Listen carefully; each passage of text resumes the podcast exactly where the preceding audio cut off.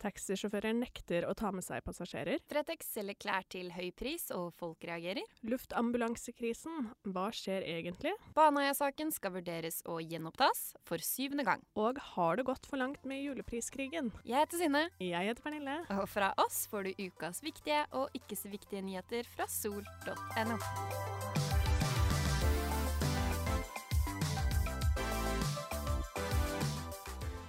Hjertelig velkommen til eh, Sol snakkes, uke 50. Pernille, velkommen tilbake. Takk. Deilig å ha deg her, selv om du er litt for brun og litt for fresh og litt for Har vært i utlandet. Deilig å være tilbake. Eh, skulle helst komme tilbake til litt annet vær, men sånn er Norge. Men du, fikk du hørt eh, Steinar sin debut her i podkasten? Jeg gjorde det, og jeg er imponert, altså. Han klarte seg bra. Flink fyr. Vi, eh, vi skal jo eh, oppsummere ukas eh, saker denne uka her, og vi. Ja, denne uken så har Flysmart24 hatt et par saker om taxisjåfører som nekter å ta med seg passasjerer fra Gardermoen. Stemmer. Eh, litt sånn sjokkerende sak, egentlig. Veldig bra av eh, Flysmart å grave i det her. Eh, ja, virkelig. Altså, det begynte jo med én sak på mandag, var det vel. Og så kom det en ny sak i dag på torsdag. Eh, de handler rett og slett om at eh, passasjerer har kommet med fly og vil ta korte reiser, bl.a., som taxisjåførene på Gardermoen nekter dem. Ja, De nektes altså de korte turene. Taxisjåførene vil helst kjøre de inn til Oslo, f.eks. Eh, de har jo da snakket med Steinar Mageli, som landet på Oslo lufthavn. Han skulle til et tettsted nærme Gardermoen. Fikk ingen drosje. Ingen av de fire-fem taxisjåførene som sto utenfor der, ville ta han med seg. For kort tur. Ja. Eh, I tillegg så sier jo Steinar at eh, de hånlo av han. Eh, jeg tenker jo litt sånn En tur er en tur, og taxi i Norge er relativt dyrt uansett. Sånn at eh, en kort tur på noen kilometer vil fortsatt eh, Man vil fortsatt tjene noen hundrelapper, da. Men spørsmålet her er jo er det, er, det er derfor. Vi vet at det er derfor. De tjener for lite. Ja, det er vel det som er en gjenganger der, som, eh, som han også sier. De har også snakket med en uh, Mathilde Skorpen, og hun opplevde også akkurat det samme når hun uh, kom uh, ut av flyet sitt og skulle hjem. Eh, da hadde taxisjåføren svart at nei, da får du finne deg en annen taxi. Ja, og det er jo ikke så lett fra Gardermoen. Eh, og eh, Mathilde gikk på krykker. Sånn reglene er nå, så må de da komme seg til et nærliggende hotell for å få bestille et, eh, en taxi fra et annet selskap, så det er jo ikke akkurat optimalt. Jeg har liksom aldri eh, behøvd eller hatt behov for en taxi når jeg har kommet på Gardermoen. Det har, så jeg har ikke vært borti problemet. Men jeg blir jo litt sjokkert. For spørsmålet mitt er, det er jo jobben. Altså, en kort tur er vel bedre enn ingen tur, eller? Får man en jobb, så tar man eh, jobben. Så det er altså mange på Gardermoen som har blitt møtt med eh, taxisjåfører som har ikke bare nekta å kjøre de, men også vært eh, frekke. Og ja, det har ikke vært god stemning. Jeg føler eh, Jeg har møtt utrolig mange hyggelige taxisjåfører i mitt liv. Men eh, taxiene på Gardermoen, eh, der, er- der må det bli skjerpings. Absolutt. Ja, vi er kommet til gjenbruksverden. Eh, Pernille, eh, handler du mye på Fretex? Ikke så veldig mye på Fretex. Jeg prøver å handle brukt andre steder, eh, men har ikke vært så mye innom der, altså. Samme med meg. Jeg begynner å bli flinkere til å bruke, Thai-bruk-Thais og de tingene der. Men eh, Fretex har jeg ikke vært så veldig mye på. Men nå skal vi til eh, kanskje den saken som gikk best på sol.no hele uka. Yes. Eh, Da har vi NRK sin sak eh, om eh, hvor dyrt det har blitt å handle på Fretex. Ja, de skriver da om eh, Hanne Myrvang, eh, som skulle innom sin lokale Fretex-butikk i Bodø. Eh, lette etter en eh, grei vinterjakke, kom over en eh, pent brukt pelskåpe, men fikk sjokk når hun så prislappen, for den viste jo da at denne kåpa kosta 10 000 kroner. Det stemmer. Jeg skjønner at man reagerer når man, kan, nei, når man går inn på en eh, Fretex-butikk som er en brukthandel. Eh, men det er en pelskopp, altså. Det, ja, var det jeg tenkte. Er ikke det dyrt? Jeg har aldri eid en pels, men uh... Det er stive priser på de i utgangspunktet. ja. Hun mener jo da at det er en pris du overhodet ikke forventer på en bruktbutikk. Og det viser seg jo da når hun tar en kikk rundt i butikken, at eh, det er flere plagg der som har en ganske stiv pris. Sier annet at hun finner en annen vinterjakke til 7000 kroner. Ja, det er jo stive priser. Vinterjakker er jo egentlig ganske dyre sånn i utgangspunktet om man skal gå ut og kjøpe seg en eh, ny også. Eh, men Lise Klungseth, som er daglig leder for den aktuelle Fretex-butikken, hun sier at prisene på klærne de bestemmes sentralt før de selges ut til eh, de ulike bruktbutikkene.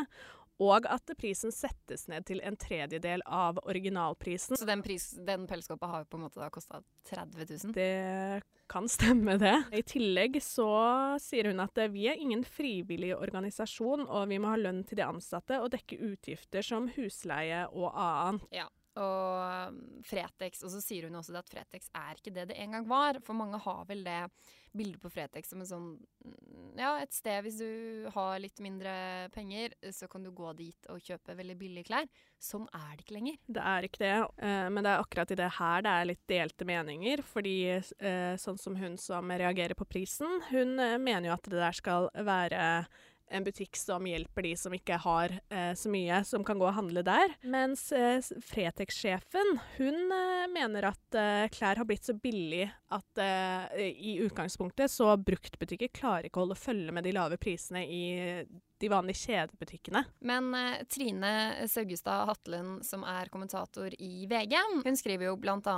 at hun syns det er eh, bra at eh, Fretex opererer med sånne priser, og at flere burde gjøre som Fretex. Eh, og at eh, når du støtter Fretex, så bidrar du også til Frelsesarmeens sosiale arbeid. Og ja, du betaler for mer enn på en måte bare kåpa, da. Ja, og jeg er litt enig med henne, altså. Eh, jeg syns det er en veldig fin måte å sette ord på det. I tillegg så tenker jeg litt sånn at å kjøpe brukt fra f.eks. Fretex, det er bra for veldig mange andre ting òg, selv om det kanskje merkes litt på lommeboka nå til dags. Men det er eh, bra for miljøet å kjøpe brukt. Det blir ikke produsert like mye om man faktisk eh, går til verks og eh, finner seg noe som kan brukes om igjen. Jeg syns det er veldig fint, fordi eh, hun, kommentatoren i VG skriver jo at eh, for den pelskåpa, da, så kan du jo da gi f.eks. Eller de, de, denne pelskåpa kan bli til 100 middager til noen som ikke har råd til mat, eller 33 julegaver til barn og ungdommer som ellers ikke ville fått noen gaver under treet. Uh, ja, hun sammenligner det med mye, og det er jo egentlig fint å vite at uh, du får ikke bare pelskåpa, men du gir noe også. Eh, det har vært flere problemer med ambulanseflyene her i Norge. Og siden det svensk-britiske firmaet Babcock overtok ambulansetjenesten i sommer, så har det vært flere problemer, ja. Eh, og på lørdag så ble fem nye ambulansefly tatt ut av tjeneste pga. tekniske uregelmessigheter. Ja, og dette skapte jo rabalder. Senterpartiet mener jo nå at eh, staten bør ta over eh, luftambulansetjenesten i Norge. Eh, det er ikke Bent Høie enig i. Eh, det stemmer, og han er uenig i dette rett og slett fordi at det er problemer med flyene og ikke driftingen av, eh, av ambulansetjenesten. Ja, det er også det han mener. Dagen etter, altså på søndag, går jo tjenesten ut og beklager at de har satt luftambulansen i en vanskelig situasjon. Men det som er litt sånn skummelt med denne saken, det er at luftambulansetjenesten den skal nå ut til folk som trenger hjelp. Uh, og det er jo derfor det her har skapt så veldig mange reaksjoner, fordi folk uh, oppe i nord uh, spesielt er redde for å ikke få den, den, hjelpen de trenger ved et behov. Ja, og det er jo kritisk. På mandag så gikk jo Ja, altså på ett døgn da, så hadde jo Universitetssykehuset i Nord-Norge rapportert åtte uønska hendelser som følge av dette ambulanseflyproblemet. De har også i ettertid satt inn krisestab for at de skal være der om det er Eh, er et behov. Dette har jo skapt eh, ringvirkninger, og TV 2 kom jo også med saken at eh, første flylege sier opp jobben som, eh, på bakgrunn av det som har skjedd. Det er litt sånn i sånne her eh, alvorlige saker at eh, det baller seg litt på, både for, for de som jobber i, i tjenesten, og for brukere av tjenesten. Uh, og alle de sitter vel igjen med litt frykt. Da. Han, jeg vil tro at uh, personen som har sagt opp, er redd. Akkurat som folk som uh, har behov for tjenesten, er redde. Ja, han sier jo til TV 2 at 'jeg ser lysere på å eventuelt hente pasienter ut av en krigssone enn å fly ambulansefly nærmere områder i Nord-Norge'. Det er alvorlig. Dette er jo en sak med mye utvikling, og vi følger den jo tett på Sol. Um, på onsdag meldes det jo at ni av ni ambulansefly nå er på plass, og at tre av disse flyene flyene er erstatningsfly som er hentet inn fra utlandet. Ja, og eh, ambulanseflyberedskapen er ytterligere styrket nå med fem ekstra fly. I tillegg så har Luftambulansetjenesten fremmet et økonomisk krav overfor Babcock eh, fordi de ikke har levert eh, den riktige beredskapen. Um, sånn, så sånn som ting er nå, så fungerer eh, flyene som de skal. Ikke de med tekniske problemer, men det har kommet erstatningsfly.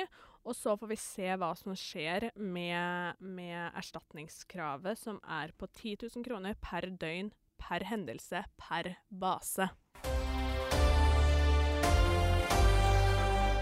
Baneheia-saken har jo kommet tilbake for fullt. Eh, det er blitt laget podkast eh, osv.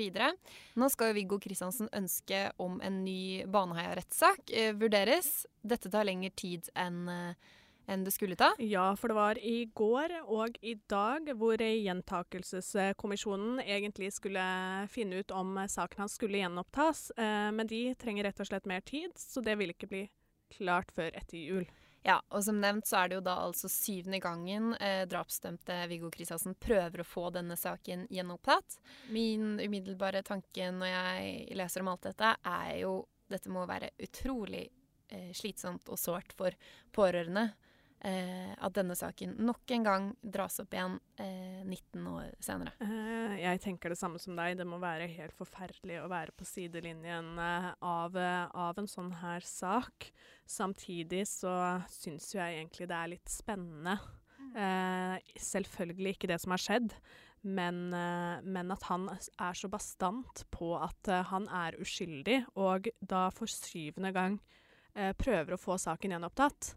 Uh, og da begynner jeg å tenke litt sånn at eh, det kanskje ligger noe mer bak det. Og nå har jo også da eh, denne hendelsen blitt en podkastserie som TV 2 har laget. I tillegg så kom jo Bjørn Olav Jahr ut med en bok for ikke så altfor lenge siden. Jeg leste faktisk den i sommer. Som er skrevet i Viggo sitt favør. og det samme tenker jeg litt om podkasten. ja, jeg har hørt de episodene som har kommet ut, og Eh, det er absolutt sant, det. Altså. Man, blir, eh, man får inntrykk av at eh, de som har lagd den, holder en knapp med at han, han, forteller sannheten. Samtidig er de flinke til å, å få med det at familiene At det her er, kan ikke være lett for de, de gjenværende familiemedlemmene. Eh, Elise Kruse har skrevet en eh, veldig god kommentar, syns jeg, eh, for Vårt Land, uh, hvor hun setter spørsmål ved om det er riktig at vi skal eh, være tilskuere i jakten på sannheten i Baneheia-saken. Hun får jo også med i kommentaren sin at eh, forfatter og tidligere politileder Hanne Kristin Rode sa jo til Klassekampen i forrige uke at podkasten aldri burde vært kringkasta, og at hun mener eh, Baneheia framstår som et partsinnlegg for en som hevder å være uskyldig. Ja, og hun har et poeng, for vi har jo uh, et samfunn nå som er uh, veldig påvirket av true crime og uh, ser på saker som det her som underholdning, og det kan absolutt ikke være lett for de berørtes familie. Men, men, som jeg sa tidligere også, så er det såpass alvorlig dersom han faktisk er uskyldig dømt, og som de sier nå når saken skal vurderes og bli gjenopptatt, er at det er nye beviser. Vi får se hva som uh, skjer uh, etter jul, men uh, vi kommer til å følge denne saken her på Sol. og der får du jo da vite sist nytt. Synne, har du gått på smellen og kjøpt deg julemarsipangris til fire kroner? Jeg har ikke kjøpt meg marsipangris. Jeg har kjøpt griser i en pose fra Nidar med også hjerter og juletrær elsker julemarsipan. Eh, og prisen? prisen er helt fantastisk. Men eh, jeg har egentlig ikke vært på Kiwi og sjekka prisen på Nidar-posen. Det må jeg kanskje gjøre? Ja, fordi nå er det jo helt syke priskriger på disse julevarene rundt omkring i dagligvarekjedene her i Norge. Eh, og på tirsdag så kosta altså denne julemarsipangrisen fra Nidar fire kroner på Kiwi. Da er det bare én ting å gjøre. Det er å gå og kjøpe julegriser så du fyller opp hele leiligheta. Ja, skal man det, altså?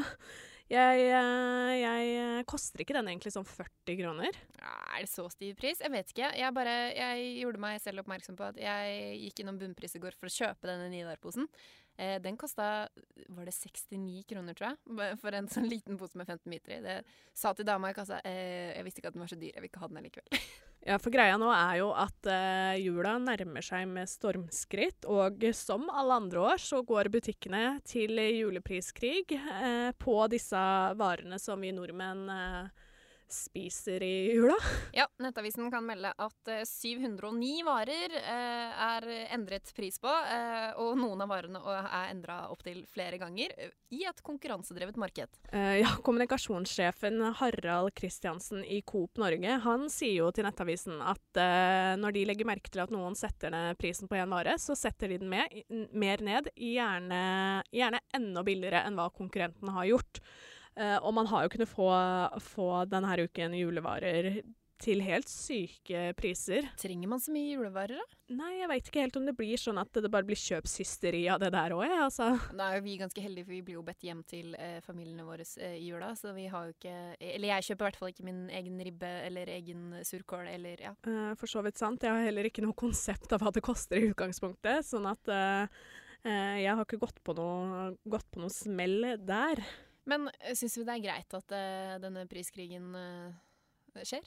Eh, jeg syns jo det er fint at eh, de setter ned prisen, sånn at uh, kanskje flere i landet her har råd til å få en skikkelig hyggelig jul med ordentlige julevarer. Det er jeg enig i. Det er jo, julemat kan jo være dyrt for mange. Men jeg har inntrykk av at når det er sånn priskrig, så blir jo alt borte innen ti minutter. det er jo nettopp det som også er et problem, sånn som det er med priskriger til påske, til jul og alle de andre høytidene, er at når de setter ned varene så sykt mye, så er det ikke nok igjen til selve julekvelden. Men ja, vi vi får jo satse på at det er en uh, Jeg elsker jo surkål, så Kanskje jeg skal dra og handle litt på vei hjem i dag. Ja, du får bare løpe ut og kjøpe, for nå får du surkålen til 2,50. Er det sant? Det er jo, det er jo kjempe... Da er det jo Nå vet jeg det, det er jo ikke Nidar julegriser jeg skal fylle opp leiligheten med, det blir jo surkål.